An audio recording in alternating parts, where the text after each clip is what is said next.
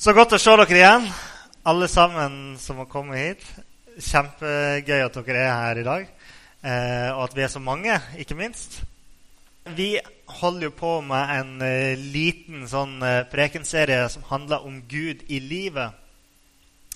Og Kjersti begynte for eh, et par uker siden eh, med en eh, preken om Gud i det små. Der det handler om hvordan Gud kan være til stede i til og med de små tingene i livet. Hun fortalte om et mirakel som hun hadde opplevd da hun ble helbreda fra å være svaksynt. Hun var ikke blind, hun bare så litt dårlig og trengte briller. Men så kom Gud og hjalp oss, og hun ikke trengte briller lenger. Forrige uke så snakka jeg om Gud i det store. Og eh, snakka litt om Guds storhet og hvordan Gud virkelig kan gjøre store ting i livene våre. Og at det er ikke bare fortellinger som vi leser om i Bibelen, men det er ting som Gud kan gjøre eh, her for oss i dag. Men i dag så handler det om Gud i det hele. Fordi at eh, livet består ikke bare av enkelthendelser og består ikke bare av mirakel som man opplever én eller to eller tre eller fire eller hva det skal være gang i løpet av livet. Eh, men Gud er med oss hele livet og i det hele. Så det skal vi snakke litt om i dag. Skal vi be litt først? Himmelske Far, jeg takker deg for at du er her til stede sammen med oss eh, i dag. Eh, og eh, en dag der vi minnes at eh, det skjedde noen forferdelige ting for 100 år siden, men i dag så kan vi få lov til å leve i fred, og vi takker deg for det.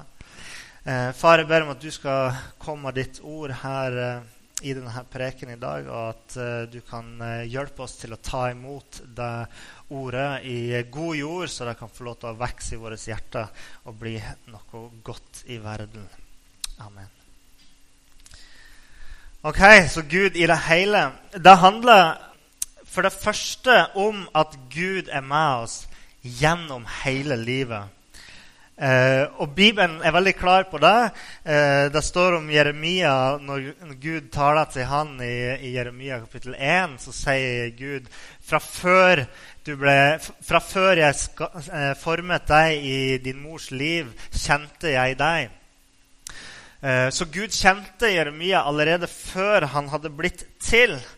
Eh, og selv om Gud sier det her til en konkret person på et konkret tidspunkt i tida, så kan vi lære fra det her at Gud eh, faktisk vet eh, om alle oss allerede før han har skapt oss. Han har planlagt oss. Han, eh, han, har et ønske om liv for alle oss. Og han er med oss allerede fra begynnelsen, og han er den som former oss. Herrens øyne våker over alle. Det står i ordspråkene 15.3. Og nå når vi har hatt denne lange serien om ordspråkene tidligere, så regner jeg med alle har pugga alle de her ordspråkene og kan de utenat. Og der står det 'Herrens øyne er alle steder. De våker over onde og gode'. Gud kjenner antall hår vi har på hodet. Eh, og etter hvert som man blir eldre, så blir det mindre jobb for Gud, fordi vi mannfolkene i hvert fall blir jo tynnere og tynnere i håret. Eh, så det kan jo hende det var derfor han gjorde det sånn at det skulle bli mindre å holde styr på. Men eh, det er jo ikke bare sånn. Eh, noen ganger sant, så snakker vi mye om hva Gud kan gjøre for oss i livet, og da snakker vi om livet her i verden. ikke sant? Eh, men en av de viktigste tingene som på en måte vi tror på som kristne, er at det er en fortsettelse etter det livet vi lever her på jorda. Og Det er en litt sånn morsom historie synes jeg da, eh, når jeg leser om, om, hva Paulus sier om de her tingene i, i uh, Filippebrevet, i kapittel 1, vers 21-24. Og Der sier Paulus å leve for meg er Kristus. Så viktig var det for Paulus eh, på en måte, det kjennskapet han hadde til Jesus, at han sa at hele livet mitt er Jesus. Og så sier han å dø er en vinning. Men hvis jeg får bli i live, kan jeg gjøre et arbeid som bærer frukt. Og da vet jeg ikke hva jeg skal velge. Så Paulus han møter litt sånn dilemma. Ok. Eh, på den ene sida sier han livet er Kristus. Men, og, og, jeg kan gjøre mye godt mens jeg er i live. Men hvis jeg dør, så kommer vi jo enda nærmere Gud. Og det er jo en vinning for meg. ikke sant? Så han har et sånt dilemma. Hva skal jeg være? Han sier da jeg kjenner meg trukket til begge sider. Jeg lengter etter å bryte opp og være sammen med Kristus, for det er så mye, mye bedre. Men for deres skyld er det mer nødvendig at jeg fortsatt får leve. Og det er litt sånn morsomt, fordi jeg vet ikke hvor vanlig det er for kristne å faktisk gjøre sånn, eh, en, en, sånn eh, liksom, gjennomtenkning av det her. Skal jeg fortsette å leve, eller skal jeg komme til himmelen endelig? liksom? Eh, men som Paulus han landa på det at det er bedre for meg å være her fordi jeg kan få utretta så mye blant de menneskene som fins på jorda, enn at jeg skal gjøre en sånn egoistisk ting og liksom komme til, til himmelen. Eh, bare fordi at han, det vil være bedre for han. Eh, sånn at det er en fortsettelse. Vi lever et liv sammen med Gud her, eh, men det er òg en fortsettelse inn i et, et, nytt liv. Det handler om at Gud han er med absolutt hele veien fra før begynnelsen. Og Gud han tar heller ikke pauser fra å være nær oss. Eh, det er jo ikke sånn at Gud bare stikker innom en gang iblant og sier 'Hei, hei, hvordan står det til?' Sånn, når Jesus kom, det var ikke et engangstilfelle at Gud stakk innom for å liksom, ta tempen på hvordan det sto til i verden. Gud hadde alltid vært til stede. Eh, og, eh, og, hvis dere husker fra forrige uke, så snakka jeg litt om Guds storhet. Eh, og at han faktisk er så stor at han evner å elske hver enkelt av oss. Eh, og han evner å være til stede sammen med hver enkelt av oss eh, på ethvert sted til enhver tid. Og det Gud gjør, egentlig, er å be oss om å anerkjenne det her.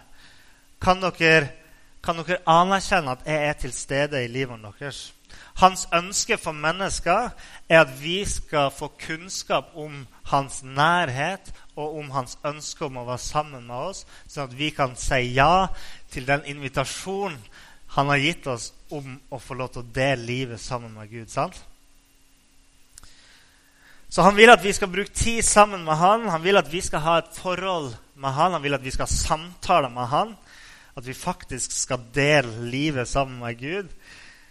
Eh, og engasjere oss i han. Jeg vet ikke om det, men for meg så vet jeg ganske godt at det ikke er tilfellet at jeg alltid anerkjenner Guds tilstedeværelse, og at det liksom drar til Tusenfryd og kjører berg-og-dal-bane og tenker liksom Kom igjen, Gud! Nå kjører vi! Woo! Eh, så la oss se litt på hva vi mennesker bruker tida vår på. Eh, for vi bruker tida vår på ganske mange forskjellige ting. Og da har jeg funnet fram litt sånn statistikk. Jeg vet hvor gøy dere syns det er med statistikk. Eh, og litt fakta og sånt. Så vi skal se litt på sånn gjennomsnittstidsbruk. Eh, I løpet av et liv på 80 år, som er gjennomsnittslevetida for et menneske i vår del av verden, så bruker vi ca. 27 dager på romantikk. Og det høres jo kanskje ikke så mye ut hvis man har vært gift et langt liv, men i hvert fall i gjennomsnitt så blir det ca. 27 dager til sammen.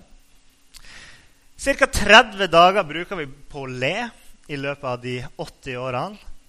Eh, vi bruker 46 dager på å ta dusj og stelle oss, barbere oss, sminke oss. Eh, vi bruker ca. 90 dager på toalettet. Vi bruker faktisk i gjennomsnitt ca. 100 dager av livet vårt på å sole oss. Og vi bruker 235 dager av livet på å stå i kø. Vi bruker ca. ett år av livet på å holde oss i form. Vi bruker ca. 15 måneder til sammen på husarbeid. Akkurat her så følte jeg kanskje at det er mye mer. Men, eh, men sånn er det. Vi bruker ca. fire år til sammen på mobiltelefon. Og da snakker vi fire sammenhengende år der man sitter foran mobilen. Ti år sammenhengende foran TV-skjermen. Tolv år på jobb. Og 26 år i søvn. på et liv på rundt 80 år så ser vi at når vi legger sammen de her, så er vi godt, oppi, godt over 50 som vi har brukt på å gjøre de tingene her. Så klart, Man kan både dusje og le samtidig, f.eks. Og man kan sette på do og se på TV samtidig hvis man har TV på badet. Sånn at man kan slå sammen litt. Men da ser man hvor, hvor mye av tida vår som går bort på forskjellige ting. da. Klart, Soving er jo strengt tatt nødvendig, så det er jo ikke bortkasta. Men spørsmålet er er Gud med på alle de her aktivitetene som vi gjør. For Gud er med oss. Han er alltid med oss. Han har alltid lyst til å være sammen med oss og dele våre opplevelser, og dele vårt liv, vår latter eh, og vår eh, eh, tid på badet, eller hva det skal være for noen ting. Og se hvor mye tid vi bruker på jobben vår. Det er jo en av de aller største eh, postene i denne statistikken. Tolv år. Tolv år sammenhengende er vi på jobb. Eh, er Gud med der? Når vi bruker så mye tid der Jeg hadde en sommerjobb der jeg jeg hadde den samme sommerjobben ca. ni år på rad. eller noe sånt, ni somre. Så jeg var der ganske lenge. Sant? Når jeg hadde vært der såpass lenge, så det kom jo hele tiden nye vikarer hver sommer, og jeg følte meg som en av de gamle. Sånn, Nå skal du høre her, gutten min. Før i tida, da jeg begynte her, så ja, kjørte vi damplokomotiv og Nei det var ikke så ille. Men, eh, men jeg følte jo jeg hadde vært der ganske lenge. Og og i denne jobben ikke sant, Jeg jobber med mennesker i, på en bolig for psykisk utviklingshemmede. Eh, og hadde ganske utfordrende brukere der. Så når jeg kom dit som 17-åring eh, og begynte å jobbe der, så var det eh, utfordrende. Eh, så det var, det var, litt tøft, så jeg, brukte å be om at Gud skulle hjelpe meg i den jobben. Uh, og jeg ba òg for brukerne om at de skulle ha det bra når jeg var der. At, at jeg skulle få lov til å uh, være en positiv innflytelse på livet deres. Gjøre det lettere for de å leve. Uh, og det var kanskje ikke sånn at jeg ba om helbredelse, og jeg ba ikke høyt om de her tingene her, men jeg ba inni meg òg når jeg var på jobb, og jeg ba for brukerne, jeg ba for de ansatte, jeg ba for, for den jobben jeg gjorde. Og jeg fikk jo oppleve at til tross for at jeg bare hadde sommerjobb der, Eh, så var jeg veldig flink med de brukerne. Fikk det godt til. Noen, noen, av de ansatte hadde reservert seg mot å være sammen med noen av de brukerne. Eh, jeg hadde aldri noe særlig problem med å ta vare på dem. Eh, så jeg følte liksom at Gud var med meg i den jobben. Men ikke nok med det. Jeg fikk òg mange gode samtaler med kollegaene mine om tro, om liv. Eh, ikke på en usunn, kranglete måte, men vi fikk lov til å diskutere ting og snakke på en sunn måte. Det ble tatt så godt imot. Så, så jeg følte at jeg fikk virkelig tatt meg Gud inn i den jobben. da. Og jeg tror det er spesielt viktig når vi ser hvor mye tid vi faktisk bruker på jobb. Så hvis vi kobler ut Gud når vi er på jobb, ja, så kobler vi kanskje ut Gud i tolv år da, av livet uten at vi egentlig tenker så mye over det.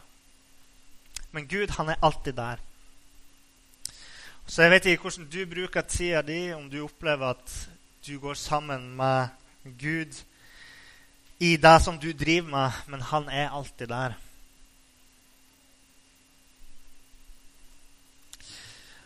Så når jeg ser på, um, på ulike deler av livet der jeg tenker Kanskje Gud ikke er med på dette området her. Kanskje, Gud ikke, kanskje jeg ikke tar meg Gud når jeg trener. Liksom. Kanskje har jeg aldri bedt om at Gud skal hjelpe meg med trening. Kanskje har jeg aldri liksom, sagt til Gud jo, nå stikker jeg på trening. Kanskje det er en sånn del av livet som er helt borte for Gud. på en måte. Og da kanskje kan man tenke at det her er et problem fordi jeg har ikke gjort det her, og så får man dårlig samvittighet. Men jeg ser ikke på det som et problem. Hvis man oppdager en del av livet der man har forbedringspotensial For jeg ser på det nettopp som et potensial. En mulighet. Upløyd mark. Dere som har jobba i landbruket, vet at upløyd mark det er ikke et problem. Det er en mulighet, ikke sant? Som man kan jobbe med, man kan bearbeide eh, jorda, man kan så i den. Og når jorda, som da er vårt liv, kan eh, kultiveres og bearbeides, pløyes og sås i, så kommer veksten òg. Og sånn er det med de områdene i livet der vi kanskje føler at vi ikke har tatt med Gud før. Det er bare upløyd mark. Og det som er så bra, er at vi går allerede i den marka. Så alt vi trenger å gjøre, er å si Gud, bli med meg hit og se. Her kan du hjelpe med å pløye, her kan du hjelpe med å, å kultivere denne marka og så og se vekst. Et av de første stegene med å være en disippel av Jesus er nemlig det å anerkjenne at han er med. Gud er med hele livet. I alle situasjoner og i alle aktiviteter.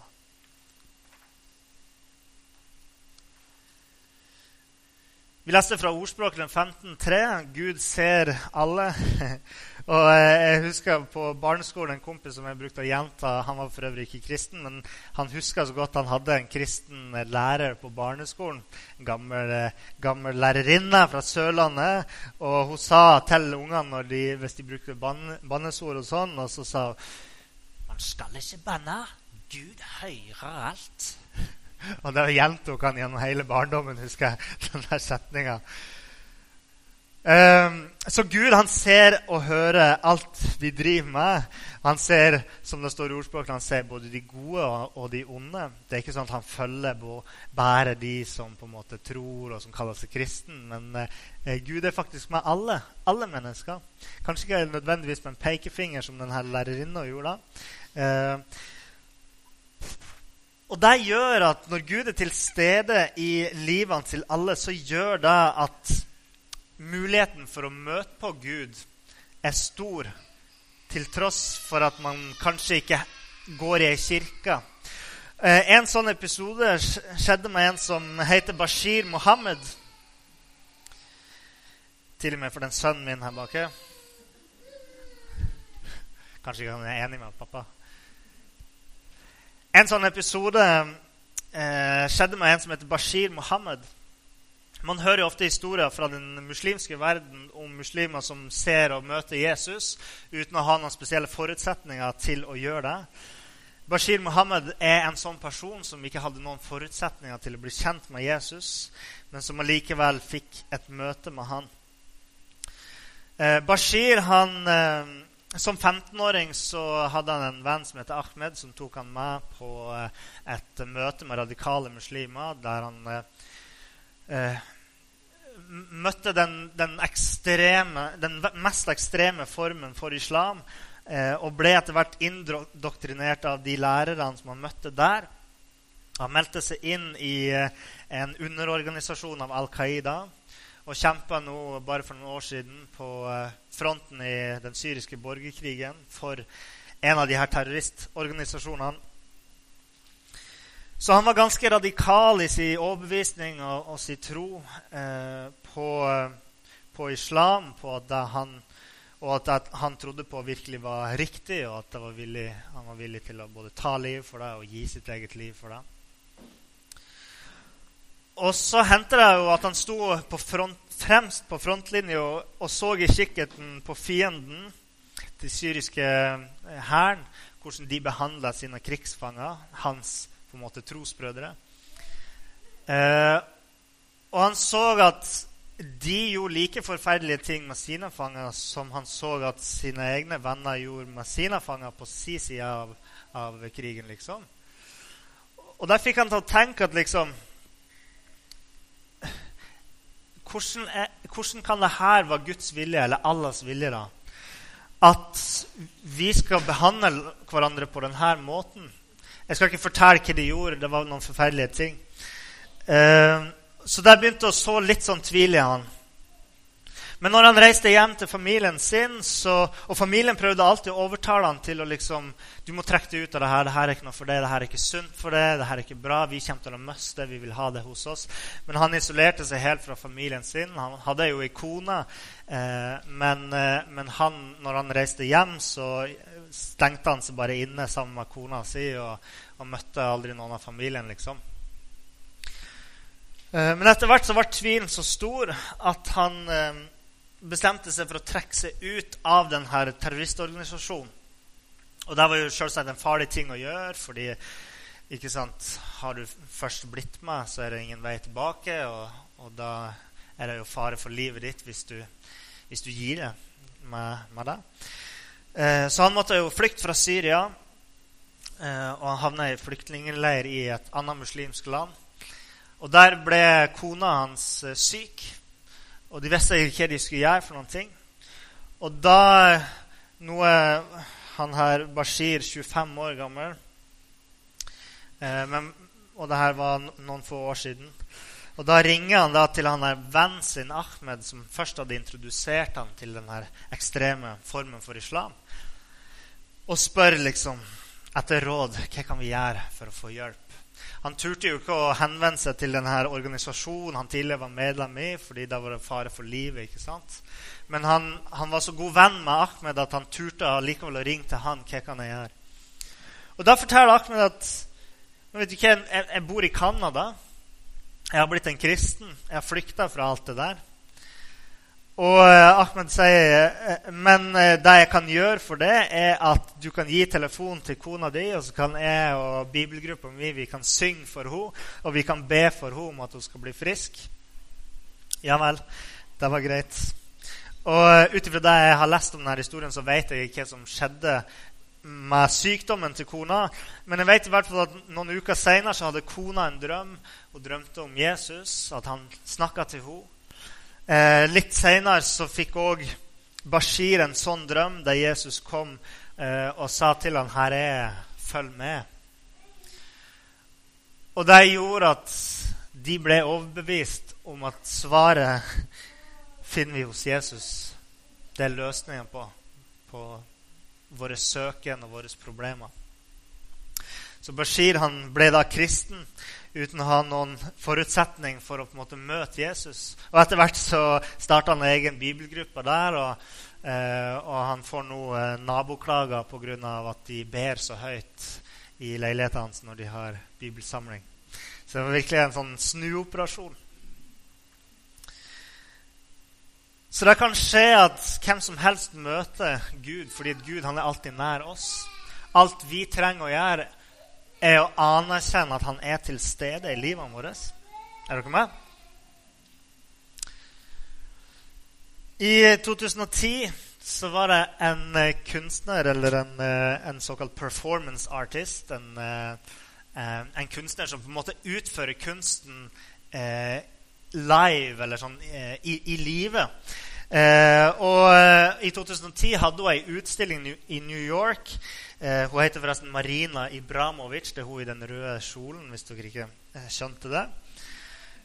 Hun hadde ei utstilling som jeg tror heter 'In the presence of the artist', altså i eh, artistens nærvær. Og eh, Dere ser jo på bildet denne, det her oppsettet. Hun satt i en stol, og på andre sida kunne hvem som helst komme og sette seg i stolen ovenfor henne. Alt hun tilbydde her altså Hun brukte tre måneder på det her. Hun satt i den der stolen i, i tre måneder. Hun hadde selvsagt pauser. Hun sov i, i, senga si og gikk på toalettet og spiste. og alle sånne ting.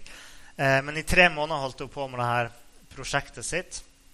Hadde denne utstillinga. Alt hun tilbydde, var sitt nærvær og møte blikket til de som kom og satte seg i stolen. Her ser vi en av de som satt i hennes nærvær og fikk lov til å bare, bare sette der og, og, og, på en måte få blikket møtt. Etter hvert så, så, ble det en sånn greie, liksom Hvor lenge kan du sette og møte hennes blikk, sette i hennes nærvær uten å ta til tårer? Og eh, folk sto Det var kjempekø. Folk sto i sånn kø for å få lov til å oppleve å sitte i en stol overfor et helt vanlig menneske og bare være i et nærvær. Og bare bli møtt og sett. Noen av de satt i eh, flere timer. Andre gråt etter ti minutter. Og jeg synes at det er ganske vakkert sånn eksperiment, fordi det viser på en måte hvor mye nærvær betyr for oss. Hvor mye det betyr for oss å ha noen som ser oss. At bare at man får møte blikket til et annet menneske, er nok til at det rører noe inni oss. Og eh, jeg tenker at hvis det å møte et menneske kan bety så mye, hvor mye kan det ikke bety for oss å oppdage at vi alltid er i Guds nærvær? Han er alltid sammen med oss, og vi kan alltid møte hans blikk, og han kan møte vårt. Og møte oss med sitt nærvær. Jeg tenker sånn at å virkelig, å virkelig oppleve Gud å virkelig ha med Gud i livet, er å innse at Gud er med i det hele. Amen. Skal vi be. Himmelske Far, takker deg for de ordene du har kommet med her i dag. Jeg bare ber deg, far, om at vi skal få lov til å eh, eh anerkjenne meg i din tilstedeværelse i vårt liv. At du kan hjelpe oss til å oppdage at eh, jammen er ikke du med oss på jobb òg. Jammen er ikke du med oss på badet når vi steller oss. Hjelp oss til å, å huske på det. Hjelp oss til å ta det med eh, på ting som vi gjør. Hjelp oss til å, å, å ta, ta, bruk og ta del av, av det nærværet som du tilbyr oss. Takker deg for deg, Jesus. Jeg ber for alle de her som, som trenger å oppleve at du er nær, trenger å kjenne at du er til stede, far. Så ber jeg at du skal møte dem akkurat nå, Herre. Mm. Takk, Jesus. Mm. Takk for ditt nærvær.